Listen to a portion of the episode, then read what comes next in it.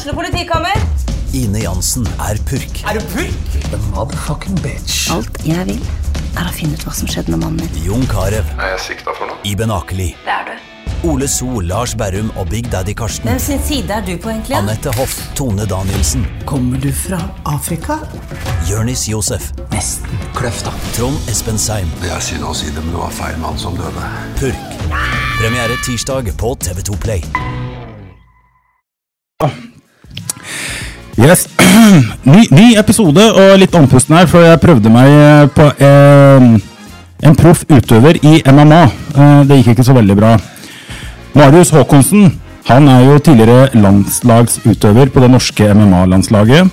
Driver sin egen klubb innenfor brasiliansk jiu-jitsu og MMA. Er ikke mer enn 28 år, har tatt uh, nylig master. Vi kommer litt mer inn på hans egen historie. Men jeg må si at han klarte å håndtere meg på 100 kilo ganske bra. Eh, litt, litt flaut bra, men eh, jeg syns jeg hadde den i hvert fall i noen eh, sekunder før det gikk skeis. Velkommen, Marius. Tusen takk for det. Veldig hyggelig å bli invitert. Yes. Um, så du kommer litt nærmere det. Ja, Så der, vet du. Så Yes. Det er mye her vi har tenkt å prate med deg om. Og dette med disiplin tror jeg du har litt greie på. Du har jo konkurrert eh, internasjonalt, nasjonalt. Du har jo sølv i EM og konkurrert i VM. Og så er du Gjøvik-gutt, og det gjør alt dette her ganske mye spennende. Og beklager at jeg fortsatt andpusten, men det var eh, Det tar på å drive og, og fighte på denne måten. Eh, men ja, over til deg. Det er riktig. Så Marius, du er jo bare 28 år, du har oppnådd mye. Tenk på det, altså det å, å konkurrere på et så høyt nivå, og samtidig ha drevet din egen klubb i så mange år. Men det starta kanskje med litt, eh, litt mindre sånne babyskritt i starten? Det gjorde det. Ja? Så sånn til begynnelsen av karrieren da, så begynte jeg jo på boksing da jeg bare var liten gutt. Mm. Trente det fram til jeg var sånn, eller ja, mellom 10 til 15 da, år. 10-15, ja. Ja. Og så ble jeg introdusert for, eh, for brasiliansk jiu-jitsu da jeg var 17 år. Mm. Og da begynte jeg å trene det. Ble veldig fort eh, helt oppslukt av det. Jeg, jeg trodde du skulle si ble veldig fort veldig god. Ja. Men det ble du jo for så vidt òg. Ja da, det gikk Ja. fort. Det gikk litt treigt i starten, føles det ut som, men eh, sånn er det alltid i den sporten. Ja. Og så er det noen som lytter her, som kanskje ikke helt sikkert altså, ikke vet hva MMA betyr. MMA det står for Mixed Martial Arts. Og det er en eh, det, På norsk så heter det for blanda kampkunst. Mm. Det er rett og slett en blanding av mange forskjellige kampsportstiler -hmm. som settes sammen til et helhetlig regelverk, Ja. hvor på en måte det meste er lov, da. Mhm. eh, og, så, og så spiller man på sine sterke sider, om det er stående, eller om det er på bakken, Mm. om det er tidligere bryter, tidligere bokser. Eh, I hvert fall tidligere så var det veldig sånn stilreint da, at man kom inn med en bakgrunn. Ja. Men nå i dag så kan man også begynne rett på MMA, og så lærer man hele pakka fra start. Ok, ja. Eh, Men det er en veldig kompleks eh, sport som eh, Ja, så hvor du kan få bruk for absolutt alt du har lært innenfor kampsport, men du kan også få det mot deg. Ja. Nettopp. Så det er noen som går inn i den der MMA-fighten og er veldig gode stående, mens eh, Men jeg veit jo såpass at mange av disse fighta, de ender jo på gulvet. Ja. Du ser eh, i hvert fall UFC, da, som på en måte er Champions League i MMA. Som er Ja. den mest uh, meritterte organisasjonen der de aller, aller beste er. Der, eh, der er det i de aller fleste vektklassene så ser man brytere i topp ti. Ja. Eh, at det er de som på en måte stort sett dominerer, med noen unntak. da. Og Ja. de strikere som gjør det bra, de har jo også på en måte lært seg forsvar mot takedowns, eller nedtagninger. Aha. Og er veldig gode på å stoppe brytere fra å ta dem ned. da. Riktig. Men så du drev med boksing i noen år, og så ble du introdusert til MMA. Falt skikkelig for det, ble rågod. Jeg ble introdusert for jiu-jitsu Jiu-jitsu, ja. til å begynne med. ja. Som her eh, kan du ta hva det er òg, da. Det, Ja. er, det, er, eh, det er minner litt om bryting og judo. Ja. Eh, bare at eh, det er litt annet regelsett, og så er det mer komplekst. Det fortsetter på bakken, og det går til en overgir seg. da. Det er en kampsport uten slag og spark. Ah. Hvor man bruker låsegrep og kvelinger til å sette motstanderen ut av spill. da. ja. Litt sånn som du gjorde med meg i stad.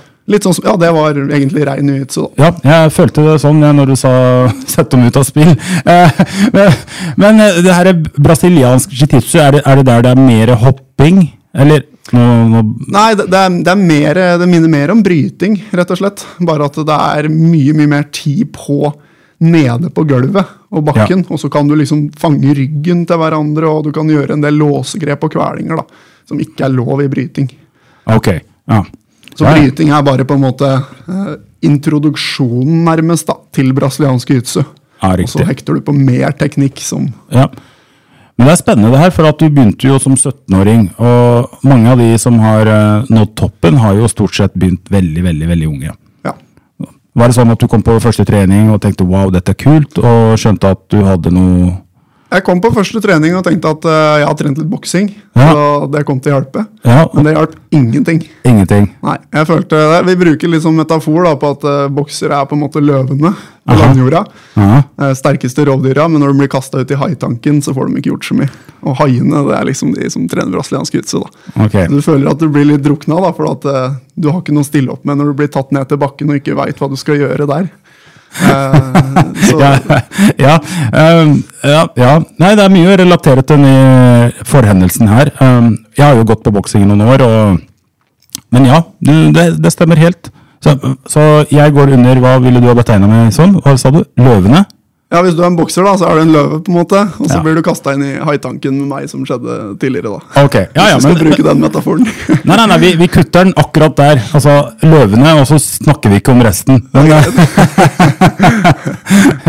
Såpass, ja. Ok, så du kom, tenkte wow, jeg kan boksing. Men så innså du at uh, du hadde ikke noe å stille opp med? Uh, nei. Mm. Og jeg var på en måte ikke på noe høyt nivå i boksing. Jeg boksa da jeg var ung, så det var egentlig mer Ja. lærte, lærte det grunnleggende, liksom, og, og trente boksing nokså passivt. Mm. Men, men samtidig nok til at jeg hadde en grunnleggende forståelse for det. Ja. Men, men jeg tror uav uavhengig av hvor bra jeg hadde vært i boksing, så hjelper det ikke når du blir eh, møtt med den brytinga. da. Ja. Men altså så, så her snakker du om det å gå fra å være veldig god i noe, og så begynner du med noe nytt og står liksom på bar bakke. Det er mange som gir seg egentlig i den fasen, da, for det er noe med å gå tilbake til den mestrer. Mm, absolutt. Og man ser liksom med brasilianske jiu-jitsu at eh, veldig mange slutter før de rekker å finne ut hva det faktisk er.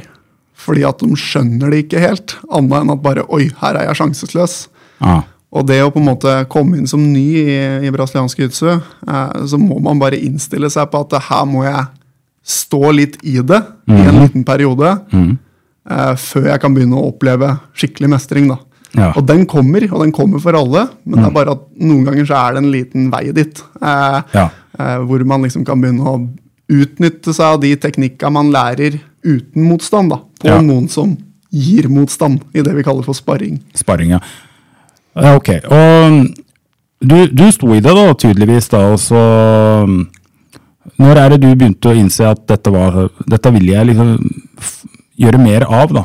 Jeg føler jeg fikk den følelsen ganske med en gang. Mhm. Jeg er litt sånn at uh, Hvis jeg på en måte blir dominert så hardt som jeg blei da når jeg møtte opp der, Ja. uh, så tenker jeg at dette må jeg gjøre noe med. Her, må, jeg, her må jeg bli bedre. Jeg kan ikke, jeg kan ikke bli banka opp sånn. Nei.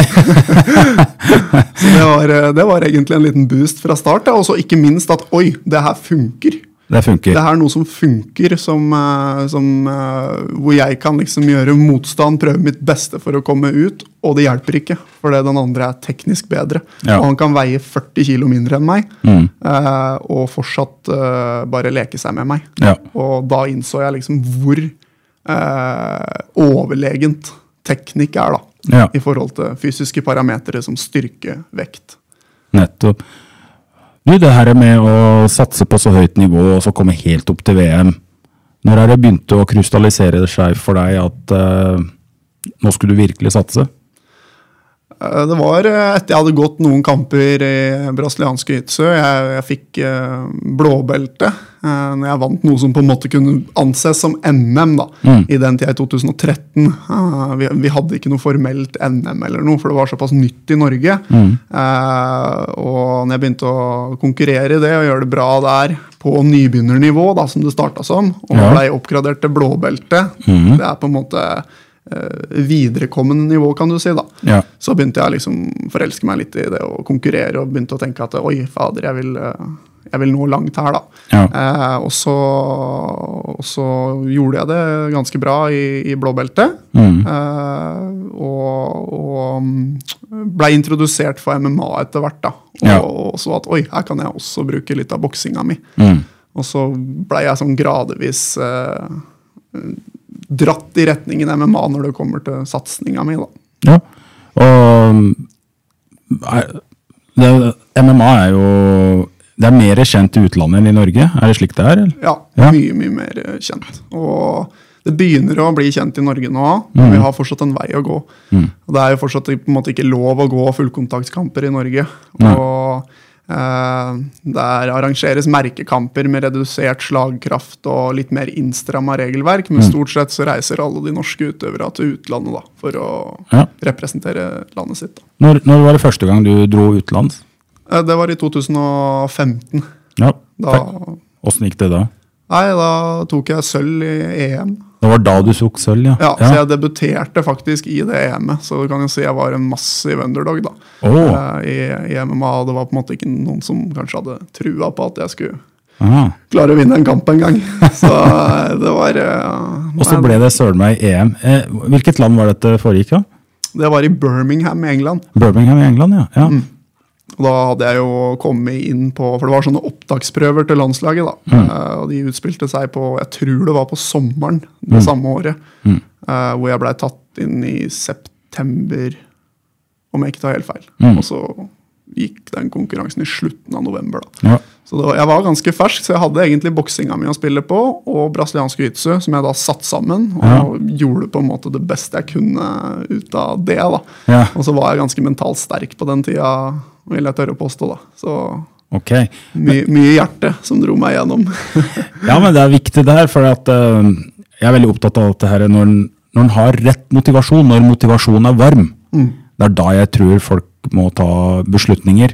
Altså sånn at ikke ideen bare dufter, eh, og, og motivasjonen bare liksom slukner sakte, men sikkert. Men du hadde, som du sier, da, du var mentalt sterk. Men du, men du, men du visste hva du gikk til. altså Det er jo litt sånn at øh, Det er ikke som å tape en bordtenniskamp, akkurat. altså Du, du, du merker hvis du taper, det kan koste deg litt øh, blåveis videre. Absolutt. Og jeg, jeg tror jeg trodde mer at jeg visste hva jeg gikk til, enn jeg faktisk visste det. Ja. Før, før kampdag, når jeg sto der og liksom skulle inn i buret. Ja. Det husker jeg godt at jeg var, jeg var kjemperedd altså, på den oppvarminga den første kampen. Og når jeg gikk den og hadde gjennomført den og kom seirende ut av den, dag nummer to da, hvor, det var, eh, hvor det var kvartfinale, da visste jeg hva jeg kom til. Og da koste jeg meg. Da smilte jeg, og jeg var ikke redd i det hele tatt. Jeg hadde visst at dette har jeg vært igjennom. Ja. Og ble noe helt annet. Så det var noe helt annet enn første, første fighten. Men du sa du var redd. øh, Var du, var du redd i, langt i forkant, eller liksom innså du alvoret når du sto og skulle inn i denne Det kom litt rett før jeg skulle inn i buret, ja. i buret? Ja. ja. Og Men hva tenkte du da? Altså, du hadde jo det er, det er vel kanskje ikke noe alternativ å trekke seg Nei, nei, nei. Jeg tenkte at eh, det her er på en måte noe jeg brenner for og syns er utrolig artig på, Ja. på trening. Og at uh, Må prøve å behandle også kampen litt sånn. Bare at det er mer seriøst. Og Ja. en god porsjon med adrenalin som også blir med deg inn i buret. Ja. Og uh, det er litt sånn at hva, hva som ikke knekker deg, det gjør deg sterkere. Så, Ja, ja. selv om jeg var redd, så handla det liksom om å snu det til noe positivt. da, Og bare tenke at eh, det her kan jeg overvinne. Ja. Og, og heller bruke den redselen positivt inn mot kampen. da. Ja. Du trener jo folk, og du sender folk inn i buret eller inn i ringen eller på matta. Um, hva, både fra egen opplevelse med den EM, første EM-kamp til når du supporter dine deltakere i klubben, medlemmer. Hva er, det, hva er det som er viktig å tenke på da når du står der og er kjempenervøs? For dette her er jo noe som skjer eh, i næringslivet og skjer ellers andre steder. Absolutt. Det er jo en overføringsverdi til når man holder taler eller ja, sitter på podkast Ja. eller andre type stressende situasjoner. da. Ja. Eh, og, og der er det veldig individuelt hva man, eh, hva man på en måte benytter seg av såkalte mestringsstrategier da, for Ja. å håndtere det stresset. Men Og- hvis vi ser på det, Marius, også i forhold til deg, da. Altså, hva, hva er det som hjalp deg der, og hva som er det fortsatt hjelper deg når du står og er usikker? Uh, Eller redd, da. jeg bruker mye det at jeg tenker liksom på de oppgavene jeg skal gjøre. da. Tenke liksom enkle oppgaver, og, og, og prøve å starte med et utgangspunkt som er så enkelt som overhodet mulig å forholde seg til. Ja.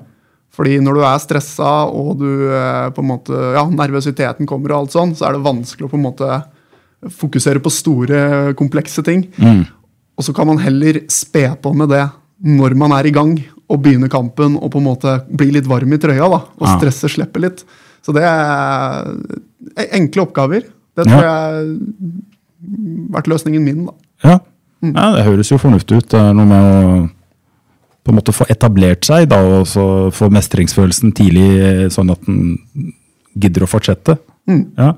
Men så konkurrerte du på topp, og du gjør ikke det lenger. da. Det må ha gått litt opp og ned, dette her. Ja, det gikk, eh, gikk var på god vei opp. Ja. Så kom det en liten nedtur som ikke var så liten. Ok, ja. Nei, jeg, jeg, gikk, jeg gikk jo det hjem og tok sølv, og ble veldig fast bestemt på at dette skulle jeg satse på. Og hadde lyst til å liksom nå UFC og satse skikkelig da, på utøverkarrieren min. Mhm. Og ble valgt ut til å gå VM i Las Vegas eh, sommeren etter i 2016. Ja. Og da reiste jeg til Thailand eh, i fe februar, starten mm. av februar, og så var jeg der fram til mai, da, så jeg var tre, tre måneder i Thailand. Ok. Og um, trente bra første halvdelen av det, det oppholdet. Mm. Og så ble jeg matgifta og fikk uh, ganske alvorlig infeksjon der. Eh, ble innlagt på sykehuset og, og fikk antibiotikabehandling. Og det løste seg egentlig ganske fint sånn umiddelbart. Ja. Men uh, jeg burde nok ha kanskje reist hjem og tatt det med ro og latt kroppen få hvile. Men jeg hadde jo VM jeg skulle gå, så jeg tenkte bare jeg må gønne på. Jeg, må, jeg stressa som bare det. Jeg må komme ut igjen i treninga. ikke sant? Så jeg begynte å kjøre hardt på igjen, eh, og blei da dårlig på nytt. Okay. Og det der skjedde fem ganger.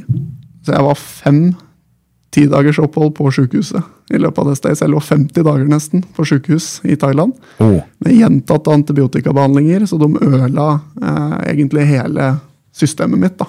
Eh, med resistente bakterier og, og um, redusert, uh, redusert allmenntilstand. Eh, så det ble jo skikkelig krise. Oh. Um, så jeg dro hjem i mai, husker jeg, og var jo helt nede. Og var fast bestemt på at jeg skulle gå VM. Det var i Las Vegas, og det liksom ingenting skulle ta fra meg det. da. Mhm. Så når jeg kom hjem, og det er litt annet type miljø her i Norge, det er liksom ikke de bakteriene og de farene da, som Ja. er i et sånt uh, klima som er nede i Thailand. Mm. Og da, da dro jeg til Oslo, var der i noen uker og trente der. Og, og jobba, jobba så godt jeg kunne da, under omstendighetene, og valgte å delta på det VM-et. Ja. Og det Jeg burde jo kanskje ikke gått der, fordi at jeg var ikke verken fysisk eller psykisk rusta. Jeg sa til meg selv at jeg var fysisk rusta, men jeg var ganske langt nede. Så, um, så tapte på poeng i første kamp.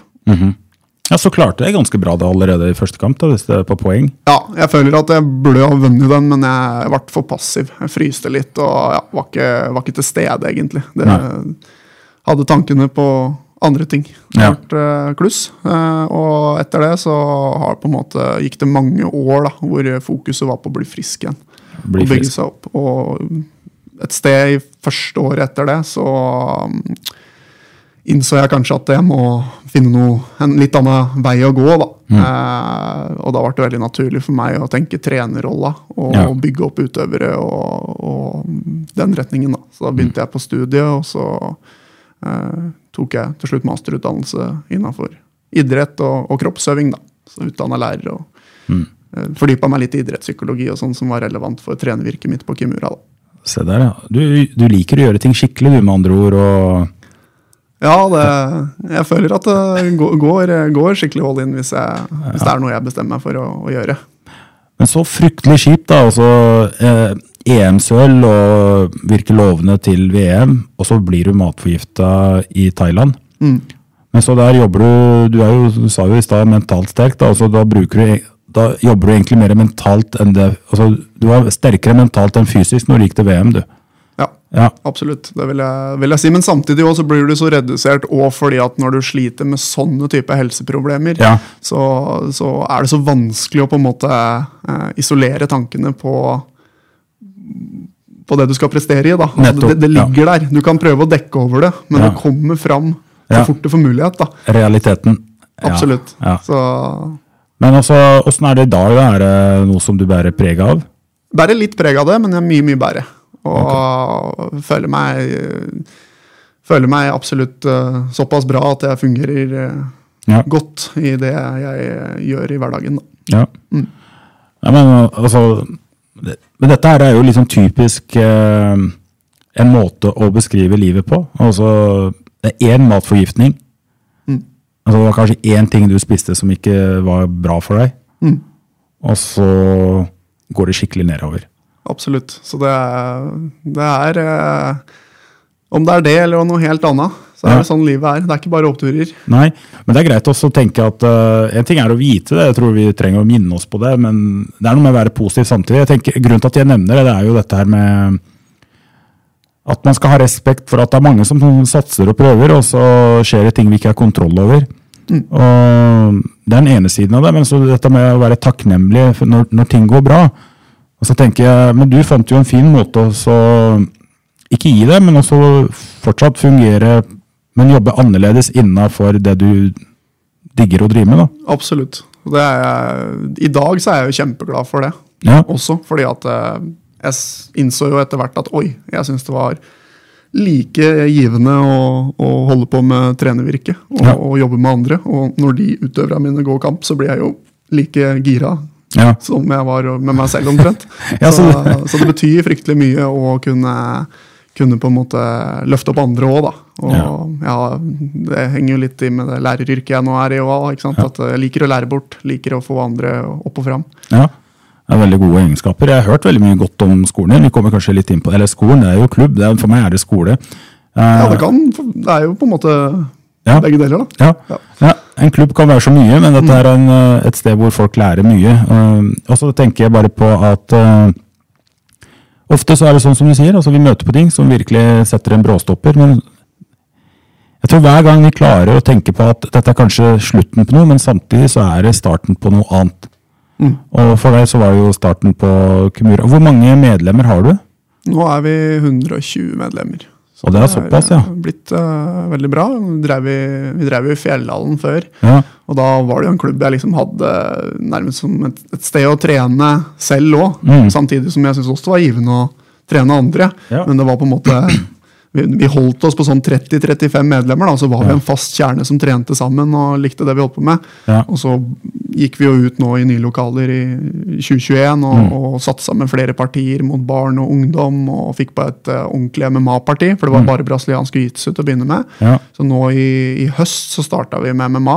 Mm. Så det er derfor jeg har ikke fulgt opp så mange utøvere i MMA ennå, fordi vi har akkurat starta det. Så jeg har mange ferske utøvere der. Så det har vært Mm. Ja. brasiliansk jiu-jitsu jeg på en måte har løfta fram utøvere i. da. Ja. Men nå håper jeg innen et år at vi, at vi kanskje er der at vi har noen som kan representere oss i, i MMA også, da. Ja. Mm. Så det, det har blitt bra, det. altså. Ja, og dere ligger jo veldig sentralt til, da, for de som kanskje lurer på hvor det er. Det er jo Storgata 20, Uh, hvor uh, lett å finne frem, lett å komme inn, og så når du leder denne klubben, så tror jeg det er veldig lett å være en del av det òg. jeg tenker sånn Mange er så opptatt, Marius, av at eh, når de skal i gang med noe, så skal det være helt perfekt. Mm. Og så vet vi at eh, det er jo sjelden tilfelle. Altså, du fortalte nettopp om eh, hvordan det gikk fra 30 til 120. Mm. Eh, men var det sånn at eh, Åssen var det med det, da? Altså, du, du driver jo business i tillegg. Altså, altså i- Det er jo en kommersiell virksomhet, ja. Så Ja, ikke sant? Så, så du er en gründer, og du er en tidligere utøver, og du har studert og tatt master. Altså, du har gjort veldig mye. Du er jo du er bare 28 år. Og var du ikke litt sånn redd for at denne klubben kunne bli en Ja, altså at risikoen er for stor? Jo, jeg var jo ganske redd for det. For Ja. det var på en måte Det er jo alltid sånn at det man har og veit fungerer, det er Mm. trygt. Ja. Og så tør man på en måte ikke å satse noe videre Fordi ja. man er redd for å miste det man allerede har etablert. Eh, og dette var jo under korona og sånn vi gikk ut med Ja. og sånn, så det var liksom tøffe tider òg. Eh, men eh, man må bare ha trua noen ganger og gønne på. Og, og ikke la seg bremse av for mye bekymringer. Det er jo viktig at man på en måte er realistisk òg, men samtidig så eh, tror jeg vi er disponert ofte for å, for å på en måte tråkke mer på bremsen, da kanskje, enn å gi, tråkke på gassen når det er mulighet for å tråkke på gassen. Ja, det, det, det tror jeg. Altså, jeg- når vi snakker om dette med å ta risiko, så jeg ehm, Jeg vil jo nok si at det er mye lettere å ta risiko når en er yngre. Jeg oppfordrer folk til å vurdere det skikkelig. Altså, jo, jo tidligere en kommer i gang med å ta sjanser i livet, jo bedre tror jeg det er. En ting er at en etablerer kompetanse rundt det, men det er liksom sånn når du er alene, nå vet jeg ikke om du er alene, men på et tidspunkt så er de fleste av oss, eh, jo yngre vi er, så er sjansen større for at en er alene, ikke har noen unger. For jeg mener disse her forpliktelsene ofte er med oss og setter en showstopper for å virkelig gå for det vi drømmer om å gjøre, som ofte, altså hvis du drømmer om å gjøre noe, så, så ligger det i sakens natur at det, det ligger noe risiko i det, og så er det nok, du må være modig. Men det er så mye, så jeg oppfordrer folk til, altså, hvis det er noen som er litt yngre som hører på, det blir ikke lettere å ta risiko med åra. Nei, det er Nei. helt riktig. Så man må, man må på en måte Når man er ung, da, så tør å gå litt for drømmene dine. da. Ja. Jag det som er meningsfullt for deg. Ja, I verste som kan skje, så kan du havne på, på en liten hybel, og, og det går liksom utover deg. Kanskje du må selge bilen hvis du har det, eller eh, andre ting. Men når du liksom har dratt på deg to unger og partner og kanskje hytte og bil og sånn, altså jeg mener det er uh, Da er man litt låst. det er, Da man litt låst. Det er, men det er jo på en måte ikke noe game over, for det fins jo løsninger på det òg. Da må man bare planlegge annerledes, ikke sant? Ja. Men uh, du, det er så mange som har lyst til å få til ting. Om det er innafor idrett, helse, næringslivet. og så Jeg tror de som lykkes, altså hvis vi deler folk i to slag, da, og så sier vi at eh, de som lykkes, de, eh, de og så har du de som ikke lykkes. Og de som ikke lykkes, og de som lykkes, de er forskjellige på den måten at de som lykkes, de gidder å gjøre de tinga de som ikke lykkes, ikke gidder å gjøre. For de hater det. Og så kan man lure på ja, men hva er det for noe? Hva er det disse her som ikke lykkes eller eh, får til noe? Hva er det de ikke liker å gjøre?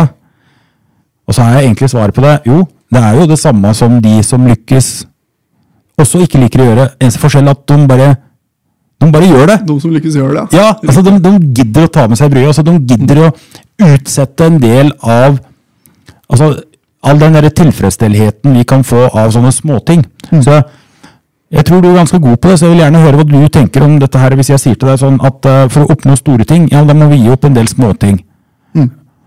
Har, opp gjennom åra så må, jeg du har tatt noen valg da, hvor du har måttet kanskje hoppe over en del ting som eh, andre kaller for at å, du har ofra masse for å komme dit. Man, øh, det er prioriteringer, da. Man må på en måte prioritere det som er viktig for at man kommer dit man ønsker å nå. Ja, Der man vil satse, på en måte. Så, Ja. så Men for, for så, hvor disiplinert måtte du være for å komme på et EM-nivå, og så i tillegg ta sølv? det er en voldsom mye mengde trening som må til. Og eh, du må på en måte prioritere kanskje litt bort eh, å gå ut i helgene og feste og drikke og ting som eh, kanskje er øh, også veldig moro, da. Når du er i en alder av 1920 og ja, fortsatt i dag. Det er, Ja. øh, det er noen sånne ting man på en måte må kanskje innse at det, det funker ikke. Det funker ikke, nei. Nei. nei. Det er noen som sikkert får det til å funke, men det, er, eh, det tror jeg er ytterst, ytterst få. Og da det Det går ikke lengden uansett. Nei, jeg tror ikke det heller. Og jeg tror det er farlig liksom, å se på noen som virkelig gjør alle de små tinga som ikke er så sunt, og så fortsatt får det til. Men det er som Ja. regel kortvarig. Absolutt. Og det er så unntak av et unntak. Men så du måtte være disiplinert, da? Da var, var det lite vorspiel og nachspiel og Ja, da Ja. var det heller tidlig opp om morgenen i helgene. og ja. Eh, en ting er på en måte hva man praktiserer sammen med, sammen med treningspartnere på gym òg, men det er også mye egenarbeid i forhold til styrke- og kondisjonstrening som ligger på sida. Og det er jo ofte det jeg alltid har syntes har vært kjempekjedelig. eh, å trene styrke og, og kondis for meg sjæl, Ja. eh, men som er kjempeviktig. da. Mm. Det er jo type eh, motivasjon som er eh, hvor, hvor du identifiserer på en måte hvorfor du gjør det. da. Mm. Og, og, det er jo for å prestere i den sporten du elsker. Ja. Og du veit at skal du gjøre det, så må du eh, forbedre deg på et fysisk nivå. Ja. Og det gjør du ikke alltid bare i den idretten. Du må Nei. legge ned timer med det kjedelige arbeidet også. Ja.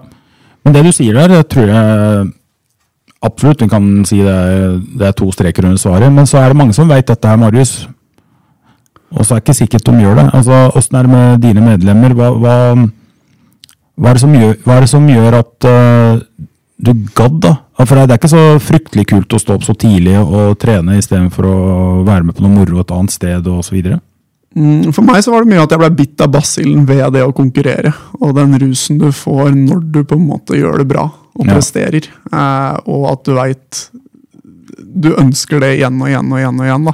Ja. Og da er det på en måte verdt det å, å gjøre de kjedelige tinga. Fordi Ja. at du veit Klarer du på en måte å eh, ta, nå de måla du har satt, da Ja. så er alt verdt det.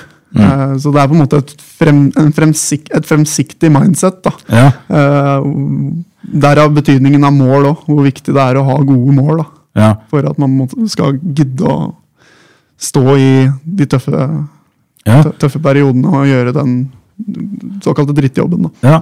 Men, er dette noe du angrer på, at du har hoppa over mye fest og moro, eller? eh, Eh, nei, Nei. det er det ikke. Eh, det, er det, det kommer alltid tid for å kunne også ta igjen det litt. og Ja, ja, ja. på en måte, eh, De tinga som man prioriterer bort, kan man eh, ta igjen seinere òg, tenker jeg. da. Eh, Ja, det tenker jeg òg. Altså, jeg tenker også at det er visse ting som er vanskelig. Altså, hvis du har lyst til å bli veldig god i en viss type idrett, så har du som regel et vindu på noen få år. Ja. Og så er det enten-eller. Men det å gå ut og feste og ordne og styre og stelle, det kan du gjøre egentlig til siste dagen på denne kloden. Så det, det, har ikke noe sånn, det har ikke noe tidsfrist på seg. Um, Absolutt ikke. Nå hørtes det kanskje ut som at det var veldig viktig for meg, da, men nå snakker jeg litt mer sånn generelt. Oh, ja. det, det, er, det, er et eksempel på jeg, jeg, jeg bare ser for meg bilder nå hvor du ikke gjør noe annet, og nå skal du ta igjen hver eneste fest du har gått glipp av. Da blir jeg se hver fredag lørdag på byen. Nei, jeg tror ikke det. Hvis du har rukket og fått opp eh, medlemsantallet ditt, eh, du har firedobla det, du har tatt en master, og du gjør dette her med kvalitet, i tillegg til å holde deg sunn og frisk, så er helt sikker på at du, du velger fortsatt veldig fornuftig. Så um, hva, hva, hva ser du på er uh, gitt uh, ut, altså, Utøvere som kommer til deg, de har jo forskjellige forutsetninger. Ja. Det er som livet generelt. Alle har forskjellige forutsetninger. Også, men hvem er det som blir god hos deg? Det er de som gjør det harde arbeidet, da. De som trener eh, så mye det kreves å trenes for å på en måte komme, komme langt. da. Ja. Og de som legger ned arbeid et par ganger om dagen og, og har mye økter, eh, Ja. det er de som ofte gjør det bra. Og eh, Det som er fint også med Kimura Gjøvik, da, det er at eh, vi på en måte har bygd opp også et fellesskap som både skal kunne nå ut til de som ønsker å satse og bli gode, Mm. eh, men også ivareta de som ser på det her som en alternativ form for å, for å trene. da ja. En alternativ aktivitet for å kunne drive med, drive med noe som gir bra effekt fysisk og psykisk når det kommer til trening. Ja. Eh, og, og det er jo flest av de. Mm. De aller fleste medlemmene av oss trener kanskje én til tre ganger i uka. Mhm. Og så er det en liten kjerne som ønsker å satse. Ja. Og det er to helt forskjellige ting. Ja. Og de kan ikke sammenlignes. Eh, men de trener sammen. Ja. Forskjellen er bare det arbeidet de som satser, også legger inn i tillegg. Ved siden av de fellestreningene. Og så er det selvfølgelig litt mer spissa veiledning og, og, og kartlegging av trening til de som ønsker å satse. da. Ja. Men jeg er veldig stolt av det opplegget vi har, som gjør det mulig å nå ut til alle, uavhengig av hvilke ambisjoner Ja. eh, folk har. da. ja. Så det er takhøyde på det. Du må ikke eh, komme dit for å bli verdensmester. Vi hadde aldri vært så mange medlemmer hvis vi på en måte ikke Nei. ikke uh, sikta oss litt inn mot de gruppene som faktisk syns det er moro å bare ha en hobby ved sida av hverdagen. Du, Jeg spurte jo deg om hva som skal til for å se utøverne lykkes på høyt nivå. så, du virka veldig klar, du bare sa det med en gang, at det var jo trening. Og så gidde å Hva var det du sa konkret? Og så for deg så virka det som det var liksom Du må legge inn, uh, Legge inn. det arbeidet som uh, de måla du har satt deg, stiller krav til. Ja. um, for, og, eh, men, men kanskje det er så banalt noen ganger, altså, og, og dette gjelder jo andre typer ting vi driver med. For det er mange som tenker sånn at det er talent, og jeg må ha de rette genene, jeg må ha de rette forutsetningene, og, osv. så videre. Og det, det er kanskje ikke sånn helt usant, det er bare en fordel hvis du har kjempebra genetikk, og du har foreldre som følger opp, og alt det der. Men det er vel ytterst få som har alle de gavepakkene før de har begynt. Det er, eh, det er ikke veldig mange, nei. Nei. Og det er de som ikke har det talentet og alle de forutsetningene har, da. Det er kanskje at de møter på mer motgang. Mm. Og evner å overvinne den motgangen, og med det kanskje bli hardere mentalt. Ja. Uh, og jeg har veldig trua på det at uh, man eh, jo, mer på en måte utfordringer du må håndtere, da, og jo mer motgang du opplever, jo, jo, jo sterkere rusta blir du til å håndtere vanskelige situasjoner seinere i livet. da. Ja. Uh, hvorav eksempel en eh, MMA-kamp, eh, Ja. som kan være så tøff. hvor det går... Én ting er hvis du går inn og dominerer motstanderen din og, og styrer showet, Ja. men hvis du møter en som på en måte eh, er bedre enn deg, da, Mm. og har deg litt på hæla, og klarer å liksom tilpasse seg og, og, og ha et såpass sterkt hjerte at du klarer å ende opp på topp, Mm. det er eh, det, det, det, det får du ikke bare med talent. Det, det er det erfaringer, Erfaringer. med dårlige situasjoner i livet Mm. eh, som du har klart å overvinne tidligere. Som, ja. som eh, er oppskriften på. Ja, Det er fantastisk. Du er jo 28 år, du har din egen klubb som går bra. Vi heier på deg. Hva er, hva er det neste for deg nå da, Marius? Eh, neste nå er å prøve å satse litt på barn og ungdom også. Og vi har fått opp veldig bra partier der. Eh, mange i alder 6 til 9 år og mange 10 til 14. Og det har vist en økt interesse i byen for det. Det syns jeg er kjempemorsomt. Og jeg ser jo også litt at det er der fremtiden til klubben ligger òg. Å å ha barn som starter tidlig. Eh, som da har drevet i mange år allerede når de er 16-17-18 år. Og, og det å liksom eh, satse på å legge til rette for et læringsmiljø der som er eh, sånn at barna også trives og har lyst til å komme på trening. da. For det, jeg tror en feil mange gjør, er at de begynner å gjøre det for seriøst og spisse for tidlig. eh, når barna egentlig ikke er motivert for det. Så det å på en måte kunne eh, lage en treningspraksis som er veldig artig og gøy, og, hvor barna maser på å komme på trening, ah. til å begynne med, Ja. og så gjøre det litt mer seriøst etter hvert. Ja. Det tror jeg er eh, eh, oppskriften på, det, ja. på at de er med lenge da, i klubben og i idretten. Ok, for da legges grunnlaget, og så kan du spisse det derifra. Mm. Og det er jo litt sånn Norge sammenligna med en del andre land. da. Vi er litt unike på. Er At vi vi er på tidlig allsidighet, Ja. eh, og ikke, ikke tidlig spissing. Ja. Men så har du noen idretter hvor du må spisse tidlig òg, fordi at eh, Ja. peaken din er, er i en tidlig alder, da. Sånn som turning osv. Ja. Men, eh, men det er, ja. Jeg har trua på at idrettsglede er det absolutt viktigste, og i hvert fall når du er yngre. Ikke sant? Ja, Helt fantastisk. Er det noe du virkelig brenner for som du føler vi ikke har kommet innom når det gjelder dette her med å sette seg i mål og idrett, kosthold, eh, livet generelt? Det er å på en måte ikke bare liksom tenke at eh, den rolla jeg spiller som instruktør på Kimura, er, eh, er å få folk til å bli flinke i de kampsportene vi utøver, men også kanskje eh, gi de en del knagger, i hvert fall fra tidlig alder, da, og, og seg nå for så vidt, som, mm. som gjør de sterkere rusta til å håndtere livet på generelt grunnlag. Da. Det er en type al, altså, hva skal man kalle det, en, en dannelse eller en type oppdragelse i den praksisen vi driver med, som, som gjør at man eh, blir styrka som, eh, som menneske. Eh, helhetlig, ikke bare, ikke bare når man ser på det idrettsspesifikke. Ja. Eh, ja. Jeg tror jo jeg avslutter med det du sa, det her, Marius, at eh, alle kanskje bør tenke på hvordan de kan ruste seg for å stå i motstand, for det er helt gitt, det kommer vi til å møte. Og jo bedre forberedt vi er fysisk, mentalt, og har et godt miljø, sånn som du beskriver på, klubben din i Kumura der, jo lettere tror jeg at vi tar imot disse motgangene og kommer seirende ut av de. Tusen takk for at du stilte opp. Eh, Nå har jeg meldt meg frivillig til å møte opp på åpen matte og få litt juling, så jeg er litt nervøs, eh, for å si det slik. Det ser jeg fram til. Fine greier. Ha det godt, da. Ha det godt. Ha det godt.